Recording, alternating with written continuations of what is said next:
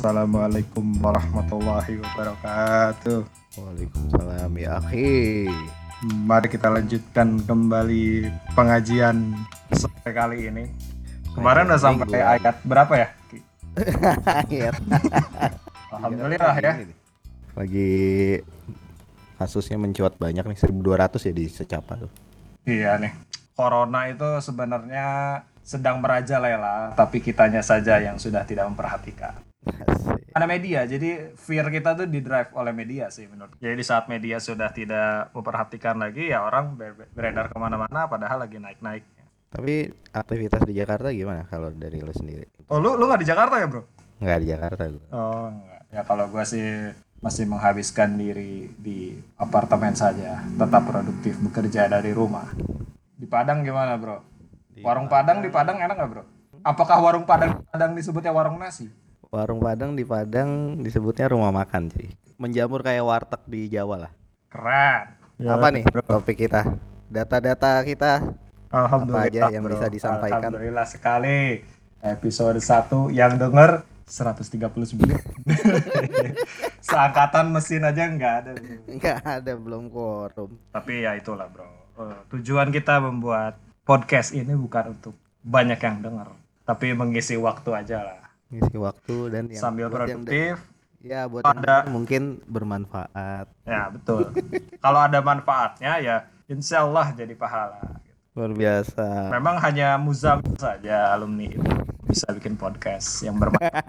Kita juga bisa. Mungkin ke depannya bakal ada ini ya, ada tadarusan di awal-awal podcast. Nah itu nanti mungkin ada eh, kolaborasi dengan Muzamil gitu ya. 15 menit. Mozabil kan bukan mediocre tapi Oh bukan, tidak bisa itu iya tidak bisa. bisa, Tidak sorry. bisa itu, tidak bisa. Lu nggak pantas masuk podcast Ah, kita, sorry, nggak Muzamil, pantas. sorry. Ah. Kalau yang mediocre mungkin masih ikro 6 lah. Iya. Ya.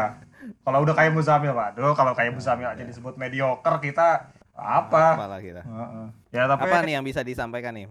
dari 149 pendengar, Bro. Eh 139, sorry. Alhamdulillah lah untuk eh, dua orang yang tidak ada apa-apanya ada yang mendengarkan ada 139 dan menurut saya dari 139 itu eh, bukan orang biasa lah. Meskipun dari 139 mungkin 10-nya saya mengulang-ulang tuh ngeplay. Saya lima kali mau lawan. Saya kurang 15 berarti tambah istri satu.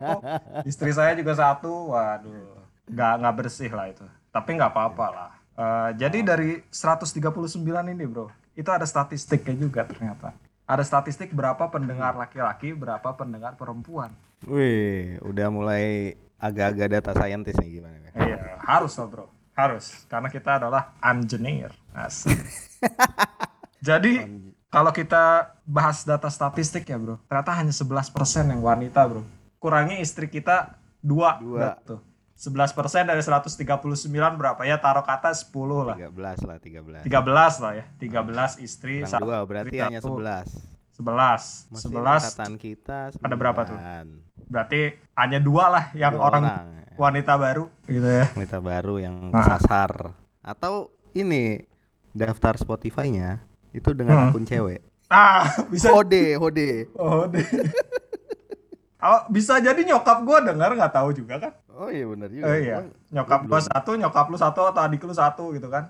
Iya, Eh tapi gue belum ini sih, nggak nggak memasarkan ke keluarga gue. Oh, cool. Lumayan bro nambah traffic.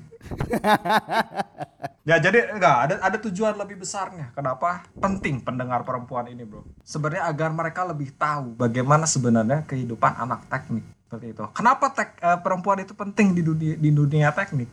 Ya kenapa tuh? Kenapa? Gua- ini gua- Intinya adalah Nih, begini. Menurut gue nih ya. ka- Kalau gue yang menjawab tuh karena gue bukan perempuan jadi ya agak ini sih. Tapi berdasarkan riset nih yang masuk ke ITB ya karena kita eh, salah satu perguruan tekn- eh, teknik terbaik di Indonesia nih sudah ada 45% nih sebenarnya eh, yang pe- eh, perempuan yang masuk ke ITB. Jadi jumlahnya sebenarnya sudah cukup signifikan, Bro. Tapi ada ada jurusan tertentu doang sih sebenarnya. Betul, kayak farmasi itu kan SAPPK juga kan. Sama PPK. Ya kalau mesin ya pengalaman kita dulu dari 151 perempuannya ada 9. Sembilan. Kalau mau Dikerebutin 15. Iya, susah tuh bro. Meskipun akhirnya ada juga yang nikah sesama mesin ya angkatan kita ya. Yoi. Alhamdulillah, bro. Kalian. Mungkin kita eh, apa kalau menjodohkan tuh dapat apa ya? Lupa gua. Tanya Muzamil nanti. Kita nanya Muzamil nanti. Kalau menjodohkan dapat apa Muzamil?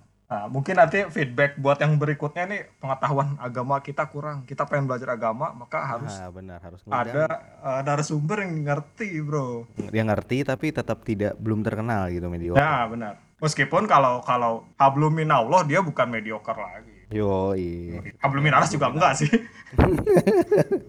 Tapi kalau dari lu tuh dengan adanya perempuan waktu kuliah tuh membantunya apa aja sih? Kalau ini ini ini pengalaman gua aja ya. Mungkin akan membawa iklim yang lebih kompetitif, bro. Kenapa kompetitif? Kehadiran. Kenapa nggak cowok gitu? Cowok kan bisa jadi kompetitif kan. Ya, tapi lu dari SD sampai SMP sampai SMA yang catatannya rapi, yang ranking satu laki-laki atau perempuan, bro? Gua nanya. SD SMP perempuan. Mulai SD SMP SMA, perempuan. Untuk yang ranking ya, mulai SMA Ah. udah cowok sih itu dulu. Udah Walaupun cowok. bukan gua, gua nggak pernah gua masuk ranking. Suatu kebohongan. Mediocre. Masuk ITB beasiswa, tapi didukung fakta lulusnya sama-sama lama. Ya, nggak Jadi ada. mungkin saja itu benar. Mungkin, mungkin. Ya itu tadi bro, menurut gue sih akan menambah eh, eh, lebih kompetitif lah karena biasanya perempuan itu lebih gigih daripada eh, laki-laki. Ini opini pribadi ya, kalau enggak ya udah nggak apa-apa. Sama yang kedua adalah dengan ketidakhadirannya perempuan, berdasarkan pengalaman saya, timbullah pertanyaan setiap pagi, untuk apa saya mandi ke kelas? Nah, seperti itu. Bahkan banyak juga yang walaupun ada perempuan nggak mandi juga banyak sih sebenarnya. Tapi seenggaknya ada beberapa orang yang ke-trigger untuk mandi. Eh, iyalah. Kalau kita kan ngapain wangi-wangi bro, yang yang nyium juga batang lagi gitu kan? Tapi menurut Jadi- gue jadi ini sih tuh? membantu karena kita kan di luar akan menghadapi keberagaman ya sih. betul betul. Nah jadi ya kalau misalkan nggak ada cewek kita bergaul sama cowok, jadi secara tidak langsung membentuk sikap kita tidak toleran terhadap cewek nantinya. Makanya Iya, perlu Keren. cewek juga ke untuk Benar, sehari-hari gitu kita bergaul. Walaupun nggak Iya. seha- nggak selamanya kita harus punya teman cewek sejurusan kan. Tapi Ya, bisa betul. juga punya teman cewek di lain jurusan bisa jadi. Jangan menyerah ke keadaan lah. Kalau di mesin gua karena nggak ada ceweknya, jadi gua nggak punya teman cewek lah. Jangan kayak gitu. Jangan kayak gitu. Meskipun banyak yang seperti itu kali. Tapi kerasa sih gua pertama-tama tuh gua agak canggung gitu setelah kuliah untuk bergaul ke cewek gitu karena Ah, ya, bullshit Serius, serius. bro. beneran beneran. Canggung ngobrol ke cewek aja nggak mungkin lah. Lu lagi aja. Ke cewek aja udah kayak sekali kenal udah kayak akrab banget lu. Apa ya coy?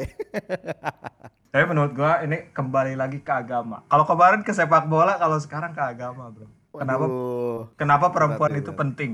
Menurut gua, lu ayat-ayat di Al-Qur'an aja ada yang namanya perempuan, kan? An-Nisa, surat Quran surat. Sapi saya sapi betina Al-Baqarah. Iya kan? Ini jadi podcast cocok logi apa gimana? Nggak maksud gua, agama agama kita juga itu cukup memuliakan wanita. Terus dulu zaman jahiliyah itu kan salah satu yang terbesar itu eh, dosanya adalah ketika kalau anak perempuan dibunuh kan. ya. Nah, begitu anak eh, begitu wanita dimuliakan dengan hadirnya Islam, langsung maju kan tuh peradaban Arab tuh, Hmm. peradaban Islam. Nah, siapa tahu gitu. Itu juga ada dampaknya juga untuk jurusan teknik ini. Sangat cocok logi. gue gak punya kapabilitas untuk ngomong ya ini gitu. disclaimer aja, tidak semua yang dikatakan di sini adalah benar. Ngomong-ngomong tentang cewek di dunia teknik, Bro. kayaknya nggak afdol sih kalau kita nggak ngajak ngobrol cewek di dunia teknik. Itu dia, Bro. Ada nggak lu? Ada kenalan nggak, Bro? Kenalan banyak, yang mau kayaknya dikit. Iya, jadi Tapi udah udah ada di sini ya, Phil ya. Mm-mm. Jadi kita akan membuka sebuah segmen ya, Ki. Ini mungkin bukan yang pertama. Nama segmennya adalah Sri Kandi Sarang Penyamun. Iya kan di sarang penyamun cuy. Nah, jadi dalam Sri Kandi Sarang Penyamun ini kita akan mengundang narasumber-narasumber wanita untuk ditanyakan kenapa memilih jurusan teknik dan lain-lain, visinya seperti apa agar lebih kita dapat lebih mengerti dan pendengar-pendengar lain juga akan lebih mengerti begitu loh. Dan mungkin nantinya ke depannya ini akan sebagai sarana marketing jurusan teknik, terutama teknik mesin, tidak terbatas tapi ya, untuk terjadi peningkatan jumlah pendaftar mahasiswi begitu loh. Betul, bahkan di salah satu institusi teknik di Indonesia itu membuka program khusus untuk wanita di satu salah satu jurusan yang Nah. sedikit wanita. Sampai segitunya loh untuk Iya, berarti urgensinya kan sudah urgensinya terasa. sampai segitunya loh. Ah, Yang kurang adalah marketingnya.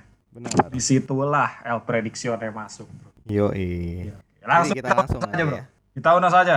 Hana Pertiwi. Woo! Hana Pertiwi, Hana. Halo, Hana. Eh, halo Rafil dan Oki. Halo Hana, apa kabar Nak? Kabar baik alhamdulillah. Kalian gimana? Nah, Alhamdulillah. baik. Posisi di mana sekarang Hana? Posisi lintang selatan atau lintang utara nih? Ini hujan. Koordinat Eh, di Jakarta, di Jakarta, di Jakarta. Jakarta. Wah, kayak Jakarta Naki ya. City.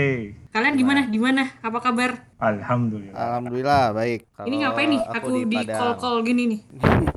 Ingin ingin menggali inspirasi dari Sri Kandi Sarang penyamun. sarang penyamun. Asik. Jadi kita namakan ini segmen Serikandi Sarang Penyamun. Waduh. Itu kan sosok sosok wanita kuat, Wanita kuat Wonder Woman di kondisi yang buruk. penyamun. buruk. Nah, sa penyamun. Penyamun ini pria-pria teknik yang tidak mandi. Oh. Siap.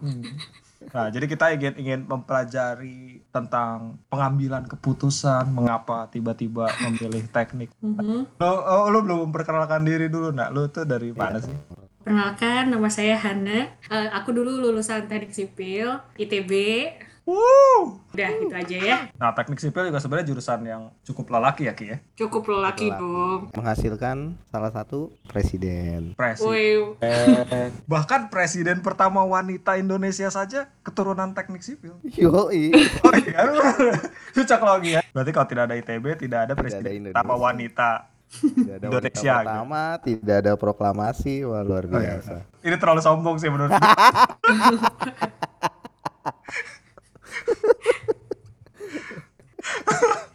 Tapi akan aku tidak akan. Tangkap, tolong ditangkap melawan Pancasila. Oke oke oke oke, kita kembali lagi ke anak. Ini diusahakan sih kita tidak mau membuat acara yang eh, berbobot lah ya. Jadi tenang aja. Pertanyaan pertama, warna favorit lo apa? susah banget nih, Phil. Hmm, karena sipil warnanya hijau, gue juga suka hijau deh, kalau gitu. Asik. Kalau warna favorit kalian apa? ungu. Hitam. Kok beda sih? ya ungu tuh cukup dekat lah dengan F. Membuktikan kita open mind lah. Oh, siap. Mungkin tidak tidak banyak yang paham sejarah ini ya. Mungkin yang lahir yang yang angkatan 2012 ke atas tidak ada yang tahu lagi sih tentang warna ini. Ngomong-ngomongin tentang tadi cewek di dunia teknik, lu emang dari kapan sih minat ke teknik waktu kuliah? Aku gua sih, apa namanya? Teknik nih gitu, makanya gue milih ITB gitu. Sebenarnya mungkin apa namanya kalau cerita agak serius nggak sih sebenarnya bercanda juga sih. Waktu SMA tuh sebenarnya nggak kebayang juga sih mau masuk mana. Karena pinter, wah ada yang bercanda juga. Eh, Apa namanya? bener bener bener gak. Sangat keren. Gak, gak, gak. Apa namanya? Kan pilihannya tuh kalau anak IPA, kalau nggak kedokteran, teknik kan mungkin. Iya betul. Apa Iya, namanya? benar. Sama mungkin kalau misalnya mau agak belok ya berarti ke yang IPS. Tapi aku anaknya lurus nih, nggak suka belok-belok. Hmm. Nah karena kedokteran ini agak susah, kayaknya ah, teknik aja lah gitu. Jalan tol sekali, cocok kamu. Dan tol. Terus kalau nanya kenapa ITB sebenarnya kan dulu aku asalnya di Jogja ya. Di Jogja ada Hmm. universitas Ada juga yang gitu. bagus. Betul. Nah, tapi karena ah bosen lah di rumah aku pengen ngekos. Nah, udah aku cari yang di luar Jogja aja pokoknya. Tapi ada pengaruh dari keluarga nggak? Soalnya gue punya temen temen deket yang dia tuh cuma karena nggak mau kalah sama ininya, sama kakaknya. Kalau gue di posisinya kalau dipengaruhi keluarga karena nggak mau kalah nggak juga sih karena keluarga gue ngebebasin gue mau jadi apa. Cuman kalau agak dipengaruhi dikit mungkin ada pengaruhnya karena kakak gue arsitek satu lagi kakak gue tambang jadi kayak wah kayaknya Dua-duanya ITB keren ya? nih dua-duanya ITB nah Oh. makanya apa namanya kayak Keren. wah, keren juga nih gitu Sebelumnya udah ada apa ya kayak contoh lah ya. Jadi Iya. sampai memilih ke teknik dan kenapa memilih ke ITB. Teknik tadi karena IPA. Nah, tapi pertanyaan berikutnya kenapa teknik sipil nih, Nak? Hmm, Kenapa teknik sipil? Kalau Ah. teknik sipil sebenarnya dulu mungkin informasi yang waktu SMA gue sebelum ke milih kampus tuh gak Hmm. banyak teknik yang gue tahu gitu. Yang gue tahu tuh yang paling general ya teknik sipil, arsitek, mesin, tambang kayak kakak gue. Hmm. Eh, terus te- teknik industri tapi kan teknik industri agak abstrak tuh di anak Hmm, SMA hmm. ngapain sih teknik industri terus gue pikir-pikir yang paling sederhana atau yang paling deket sama gue ya teknik sipil kebayangnya dulu ngebangun gedung gitu loh ya nggak sih Hmm. ya gitulah pokoknya kayak ah bisa nih gue Berarti- gitu. Tapi Tadi- pilihan pertama itu FTSL. pilihan pertama Keren. Tidak buangan ya seperti saya dan Kapil. oke. Oke, Eh, guys. enggak. Eh, tapi maksud gua berarti tadi kan eh, permasalahan lu sipil karena informasinya lu, lu ketahui juga ya. Maksudnya kayak informasi tentang teknik sipil itu seperti apa terca- eh, sa- tersampaikan lah ya ke sampai ke lu. Secara kulit. Ya. Ah, Tadi secara- secara cuma kulit bangun-bangun. secara kulit bener secara kulit Bangun-bangun kayak ya gedung. kalau misalnya siapa sih yang bangun gedung oh orang teknik Hmm. sipil nih Gua denger mesin juga ada tadi. Kenapa nggak ke mesin aja? cowok banget kayaknya takut gue itu yang salah, Bro. oh salah ya Itu yang salah. Tolong cerdaskan kami Eh, dong Wah itu dia itu salah satu fungsi uh, rekaman ini juga. Tapi ta Oh, siap, siap. maksud maksud gua mungkin gara-gara mindset itu sekarang kalau sipil itu kalau gua lihat udah udah lu- rasio cewek sama cowoknya udah lebih banyak kan dibandingin mesin. Kalau di angkatan lu berapa ya? dulu angkatan gua 150 orang, ceweknya 50, jadi satu banding tiga. Itu aja tuh udah lebih banyak daripada angkatan-angkatan sebelumnya. Angkatan-angkatan sebelumnya tuh bahkan bisa kayak cuman satu banding empat, satu banding lima gitu. Gitu tuh. Hmm, Tapi dikit-dikit. tidak pernah satu banding 15 ya. tidak pernah. Mungkin zaman Oh. dulu banget. Dulu. Nah, zaman dulu. Nah, itu berarti kan sudah terjadi eh, pencerdasan lah sehingga akhirnya wanita juga tidak takut untuk mengambil eh, teknik sipil. Kalau menurut Betul. Kenapa nah? Apa gara-gara tadi mindset kalau misalnya ini gua bandingin sama teknik mesin ya? Mesin ya. Apa mesin karena ada- banget gitu ya. eh, ketakutan gitu kali. Bisa jadi ketakutan sih kayak karena frame orang mesin, mesin tuh cowok gitu. kayak tak kalau kebayang-bayang kan mesin kalau orang yang nggak ngerti teknik mesin apain pasti mikirnya Montir ya bengkel nggak sih? Nah, benar, bengkel. ah gue nggak mau tuh kotor-kotor gitu. Nah kalau teknik sipil kan, wah pegawai negeri sipil nih, sipil gitu. Jadi, Hana juga Apa- cocok logi juga nih orangnya. Iya. Eh, Bung Oki, kalau kita ingat di majalah otomotif bahkan menyediakan satu rubrik untuk wanita, cepot cewek kenapa? Cepot. untuk wanita itu. Itu wanita loh. Eh, tapi tetap ternyata tetap ya. Saking diagung-agungkannya cewek Eh, di saking dunia eh, buat satu rubrik mechanical ya. eh, di dunia otomotif. Kayak Itu di marketing yang salah. Ya. Oh nggak tahu gua, gua nggak mereka- terlalu perhatikan pembalap tuh. Berarti kan anak mesin saja tidak memperhatikan otomotif gitu. oh, salah berarti ya. Frame-nya salah berarti ya. Iya mungkin gitu salah, berarti. salah eh, memarketing memarketingkan otomotif agar lebih wa- banyak wanita dengan rubrik cewek knalpot itu salah sih menurut gua. Memperbanyak pembaca pria jadinya. Tadi kan lu bilang kan lu mau masuk sipil tuh supaya eh mindset waktu SMA lu bangun-bangun gedung itu sipil ya. Mm, Nah, sekarang setelah lulus bener nggak itu kejadian nggak? Kayak gua kan misalkan mindset gua di di mesin itu wah ngebengkel nih. Entah ngebengkel mesin mobil atau mesin pesawat itu kan. Pokoknya mes- tentang bener-bener mesin penggerak aja. Nah, nyatanya sekarang kan nggak nggak sesempit itu loh mesin. gitu. Kalau lu kalau lu di sipil tuh gimana, Nak? Nah itu dia apa namanya? Ternyata pas gue udah masuk jurusannya tuh sipil tuh kebagi banyak jurusan subjur atau keminatan lain gitu, nggak cuman bangun gedung gitu. Jadi kayak apa namanya? Ternyata yang misalnya tadi aku bilang bangun jalan tol itu tuh butuh keahlian sendiri. Namanya sipil transportasi. Terus kalau misalnya gedung, gedung tinggi itu kan ada bangunan gedungnya ini mah jadi teknis banget bro kan ada Oh, iya. fondasinya tuh fondasinya itu ada sipil yang lainnya juga. Jadi kayak sipil tuh ternyata banyak. Nah di sana nanti baru dipilih lagi lebih sukanya atau lebih menjiwainya ke mana. Dan akhirnya gue tidak menjadi sipil yang membangun gedung. Jadi sekarang sipil fokus ke mana? ke mana, aku lebih suka ke transportasi karena transportasi tuh ruwet banget bro. Gitu doang sih. Apalagi di Nggak jelas. Indonesia. apalagi di Jakarta ya nggak? Oh di Jakarta doang. Tapi eh, ini sih ini langsung kalau lu bilang di Jakarta ruwet, tapi menurut gua sih gua cukup menikmati eh, transportasi Jakarta sebagai orang Bandung ya. Oh, siap, siap. Itu mungkin karena karena transportasinya sudah terselesaikan. Asik malah jadi serius banget. Karena udah ada Karena adanya MRT. Siapa Oh, kenal iya. MRT? Ya. Keren. MRT keren. Keren, keren banget. kasih, Keren, bener, bener, nih jujur, jujur. Keren banget sih. Ya kebetulan gue kerja di sana, Bro. Eh udah udah tahu ya. Tapi, Eh, tapi maksudnya eh, maksudnya kan eh, setahu gua ya setahu gua eh, eh, transportasi itu kayak bukan pilihan utamanya lah ya kalau di sipil itu. Karena pilihan utamanya eh, biasanya kan orang ke struktur membangun gedung dan lain-lain. Itu tadi eh, apakah alasan lu memilih transportasi ini cuman gara-gara tadi ah eh, ruwet kah? Atau emang ada ada visi tersendiri yang ingin lu eh, selesaikan? Kalau misalnya eh, karena memang apa ya fitrahnya teknik sipil itu ngebangun Asik. gedung emang Ah. Favoritnya orang-orang emang lebih yang ke sipil strukturnya gitu. Ah. Cuman kalau kenapa gue ambil ke transportasi sebenarnya karena mungkin pada dasarnya gue nggak sepinter itu untuk bangun gedung tapi lebih ke ini sih peminatan gue gue kayak lebih suka kayak eh, nggak terlalu hitung hitungan tapi gue bisa menyelesaikan masalah dan bermanfaat buat orang banyak gitu sih Wah, luar biasa. keren keren keren Gitu. Tepuk tangan di mic. Woi, terima kasih, terima kasih.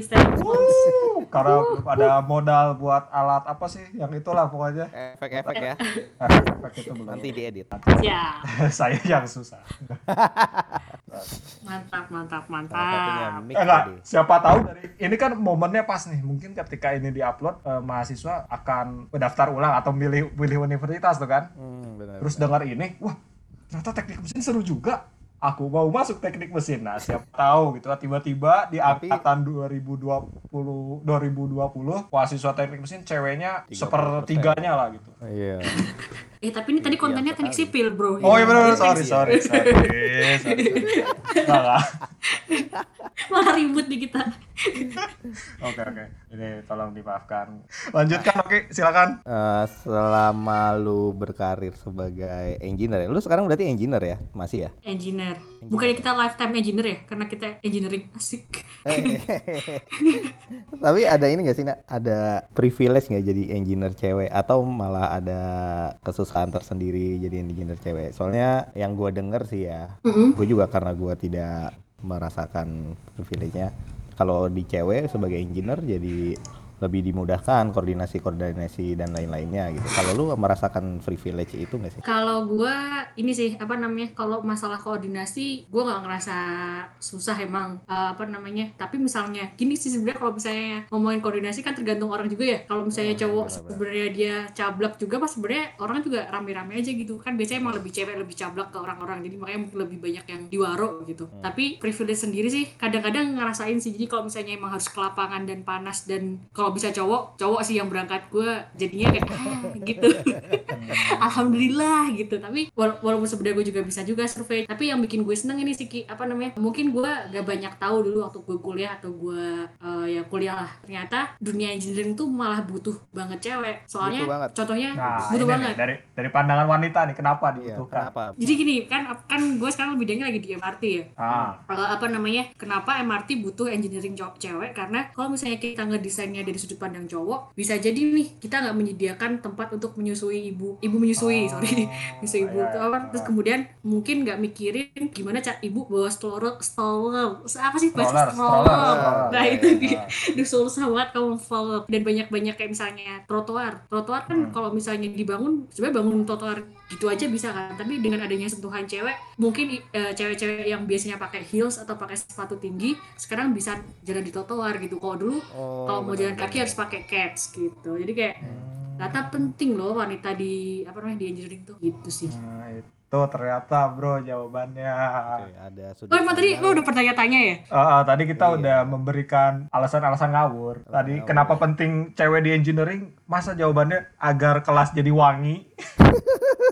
supaya orang-orang jadi di cewek apa parfum Nah, nah, tapi kan kalau udah ada validasi dari eh, cewek di dunia engineering atau Sri Kandi di sarang penyamun kan ini lebih valid kan jadinya nih. Iya, Ternyata jadi nggak itu ngawang-ngawang alasannya. lah. Nah, Ah, Jawaban-jawaban ya siapa tahu maksudnya kan kami-kami. maksud gue ya ternyata itu jawabannya jadi dengan ada kehadiran wanita itu ada inovasi-inovasi baru yang tidak terfikirkan oleh pria gitu kan. Iya, betul. Nah, karena kan kita tidak tidak mer- tidak mengexperience hal tersebut gitu ya. Jadi kita tidak ma- ma- melihat urgensi itu. Intinya gitu ya, ya, ya benar-benar. Jadi ada lowongan kah di MRT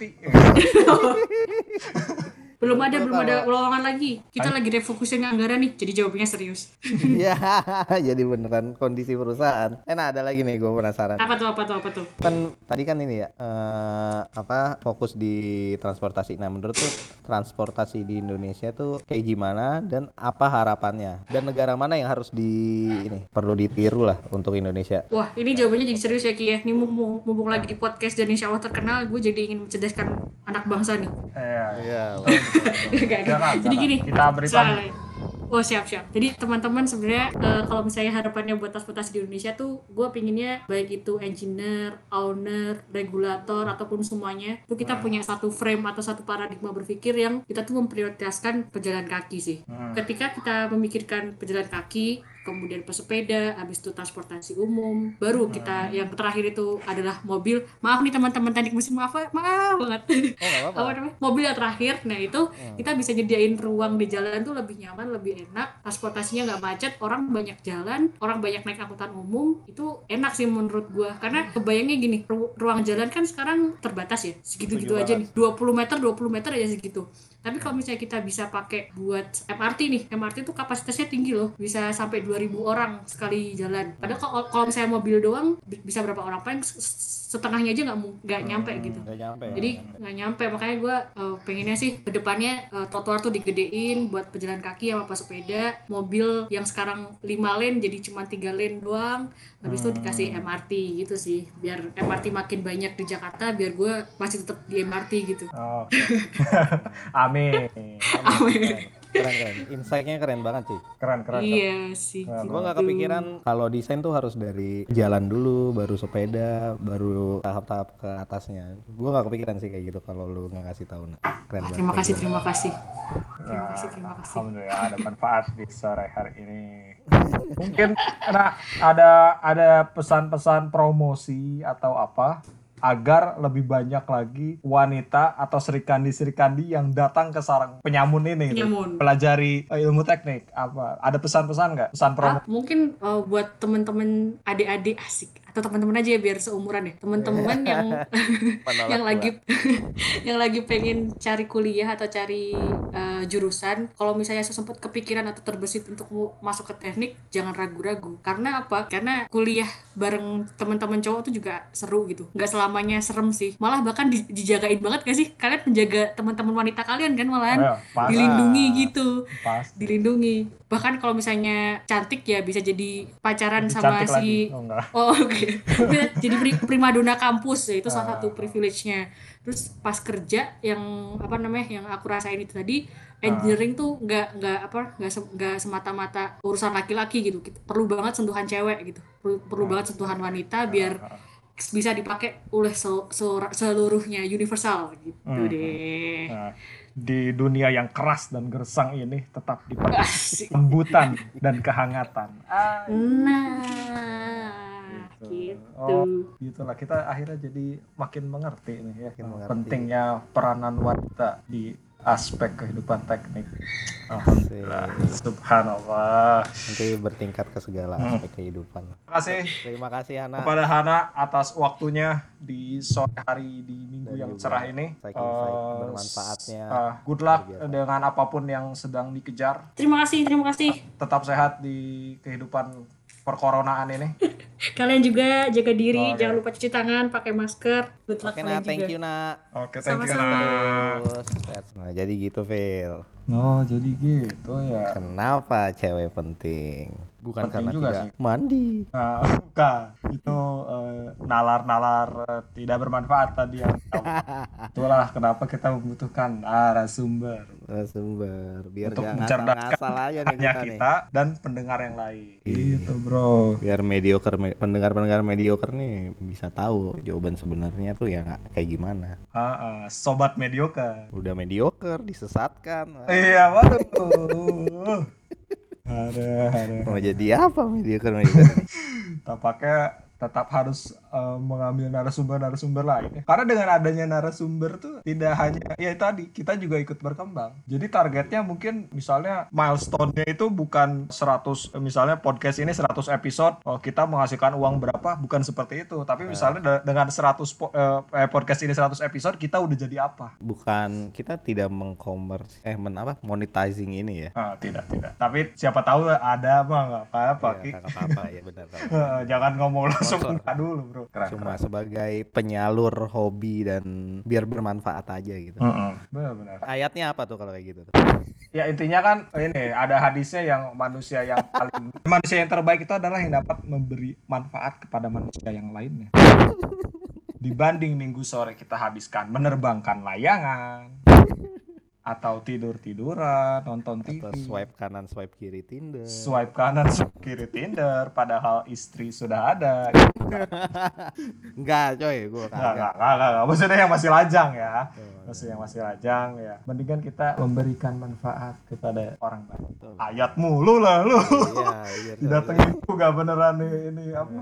Narasumber yang benar ngerti agama. Nanti genrenya genre dakwah coy ini. Ah, ya tiba-tiba di pas di apa Spotify religion, tradisione, Tadi tapi judulnya prediksi. tradisione. Nah, eh, judul rubriknya Sri Kandi Sarang Penyamun. Wah, apa ini agama satanik apa ini? ya untuk hari ini topiknya segitu aja kali ya. Kita lebih fokus pada tadi marketing eh, agar wanita lebih banyak terjun ke dunia tech. Next apa ya? Next eh, kalau ada yang punya ide-ide topik tolong disampaikan aja di akun Instagram El Prediksione. Ya padahal belum ada. Nggak ada. Lewat DM story story kami Eh, bisa. atau story story teman-teman kami yang menstorykan Ah. story kami. Nah, bisa. Nah, kayak gitu. Tapi mungkin aja nanti siapa tahu yang ngedenger podcast ini di tahun dua tahun depan 2021 kan siapa tahu kita udah punya Instagram. Anda saja sudah batuk-batuk tadi saya lihat. Iya nih aduh, apakah saya positif? Aduh. Positif flu. Nah, tidak semua yang batuk itu corona. Yaudahlah, semakin tidak jelas tampaknya. Thank you. Terima kasih. Eh, tolong jangan lupa yang belum saksikan episode sebelumnya meskipun pada saat mendengarkan ini mungkin ITB-nya sudah 101 tahun, tetap didengar saja. Dengar saja. Eh, tetap dicek, di situ- mungkin tetap ada manfaatnya. Di situ dasar-dasar El Prediction dibentuk. Iya, itu sebuah pondasi. Fondasi. Pondasi El Prediction adalah di episode 1 tersebut. Ya, Nanti juga mungkin ada merchandise-merchandise El Prediction. Siapa tahu? nantikan saja. Nantikan saja. Eh, nanti dulu. Tadi gue Oh, belum. tadi gue lupa nanya ini apa sih fondasi tiga cakar ayam. Nah, Nah itu gue lupa main pengen nanya ke Hana harusnya. so sotoy banget tuh. Fondasi, fondasi cakar ayam tuh apa sih? Gue nggak tahu loh. Tapi itu yang dibangga banggain. Oh iya sih bener. Kalau bicara soal teknik sipil Indonesia pasti ada tentang fondasi ceker ayam. Cakar ayam. Ya. Ah. Kita hadirkan narasumber lainnya di sore hari ini. Istri saya